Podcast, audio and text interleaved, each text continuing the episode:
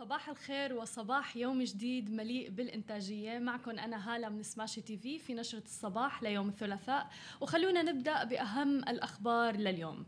أول خبر معنا لليوم عن شركة كريم حيث أعلنت كريم التابعة لشركة أوبر تكنولوجيز يوم الاثنين يوم أمس أنها ستسرح 536 موظف هذا الأسبوع واللي بشكلوا 31% من قوة العمل لدى الشركة اللي طبعا تقع مقرها في دبي. وهذا القرار بيعود لأنه نشاط كريم انخفض بأكثر من 80% في الآونة الأخيرة. طبعا كل هذا مع, تق... مع قرارات تعليق الحركة والحجر المنزلي حول آه، العالم وفي الدول العربية تحديدا. وجاء هذا الإعلام بعد ساعات من إعلان أوبر إغلاق نشاطه لتوصيل الطعام أوبر إيتس في عدة مناطق في ذلك في الشرق الأوسط في دول مثل السعودية الإمارات ومصر. وبالإضافة أيضا إلى تسريح الموظفين والعديد من الموظفين في تلك الدول. وتم الإعلان أيضا عن وقف نشاط كريم آه، باص للنقل الجماعي. ومثل ما عم نعرف طبعا كريم عم بتعاني كانت بالآونة الأخيرة والفترة الأخيرة حتى تم الإعلان عن تعاون بينها وبين جمعية دار البر في دولة الإمارات. وتم التبرع بأكثر من 800 ألف دولار لكل الدرايفرز والسائقين اللي كانوا يشتغلوا بشركة كريم واللي عم بيعانوا بسبب تداعيات الأزمة وعدم الطلب آه، وانخفاض الطلب بشكل كتير كبير على سيارات التكاسي والنقل بشكل عام.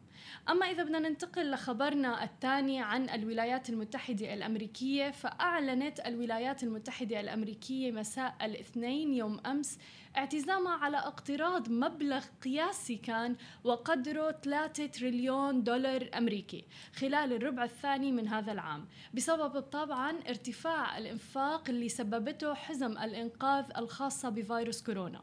وبيتجاوز هذا المبلغ أكثر من خمسة أضعاف من الرقم القياسي السابق اللي تم تسجيله خلال فصل واحد. في ذروة الأزمة المالية في عام 2008 يعني الأزمة المالية بعام 2008 شكلت ضربة كتير كبيرة على الاقتصاد العالمي ولكن مع ذلك هذا الرقم أكثر من خمسة أضعاف من الرقم اللي طلب في الأزمة المالية.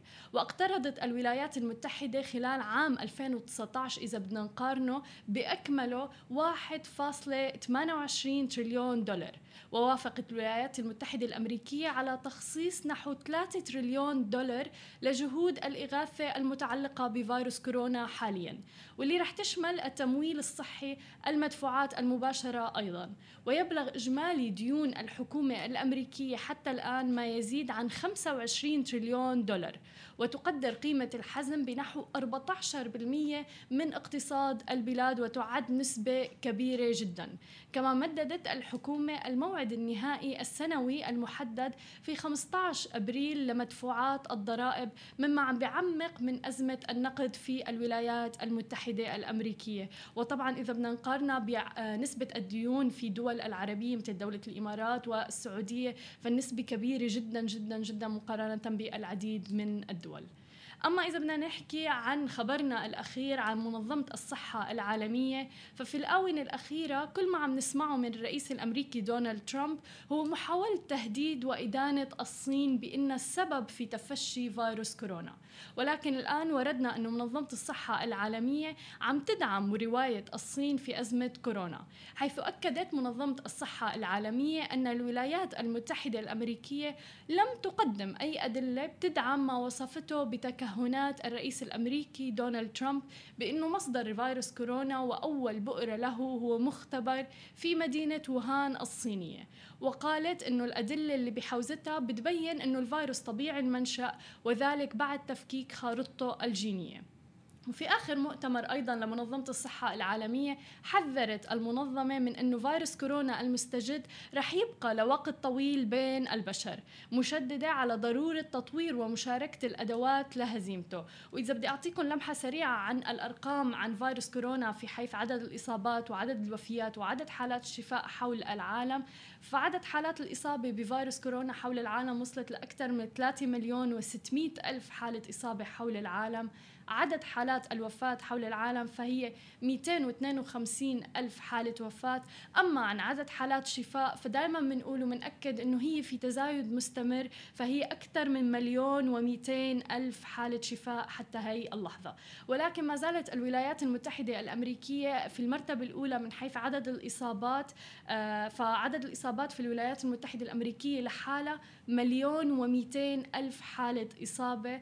أما عن عدد حالات الوفاة فهي 69 ألف حالة وفاة وعدد حالات الشفاء 188 ألف حالة شفاء في الولايات المتحدة الأمريكية.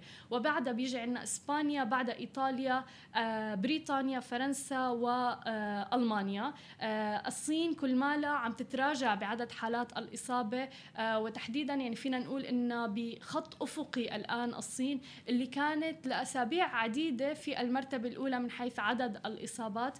ولكن أيضا بدي نبه أنا أنه عدد حالات الإصابة وعدد حالات الوفاة وعدد حالات الشفاء في الدول بتدل على القطاع الصحي ومدى قوته في هذه الدول. يعني إذا بدنا نقارن مثلا آه، ألمانيا ألمانيا معروفة بقطاع الصحي القوي. عدد حالات الإصابة في ألمانيا 166 ألف حالة إصابة. عدد حالات الوفاة 6000 تقريبا. ولكن عدد حالات شفاء 135 ألف حالة شفاء. فبنشوف أنه عدد حالات شفاء كبيرة جدا بألمانيا وهكذا تقارن الدول من حيث آه، القطاع الصحي القوي.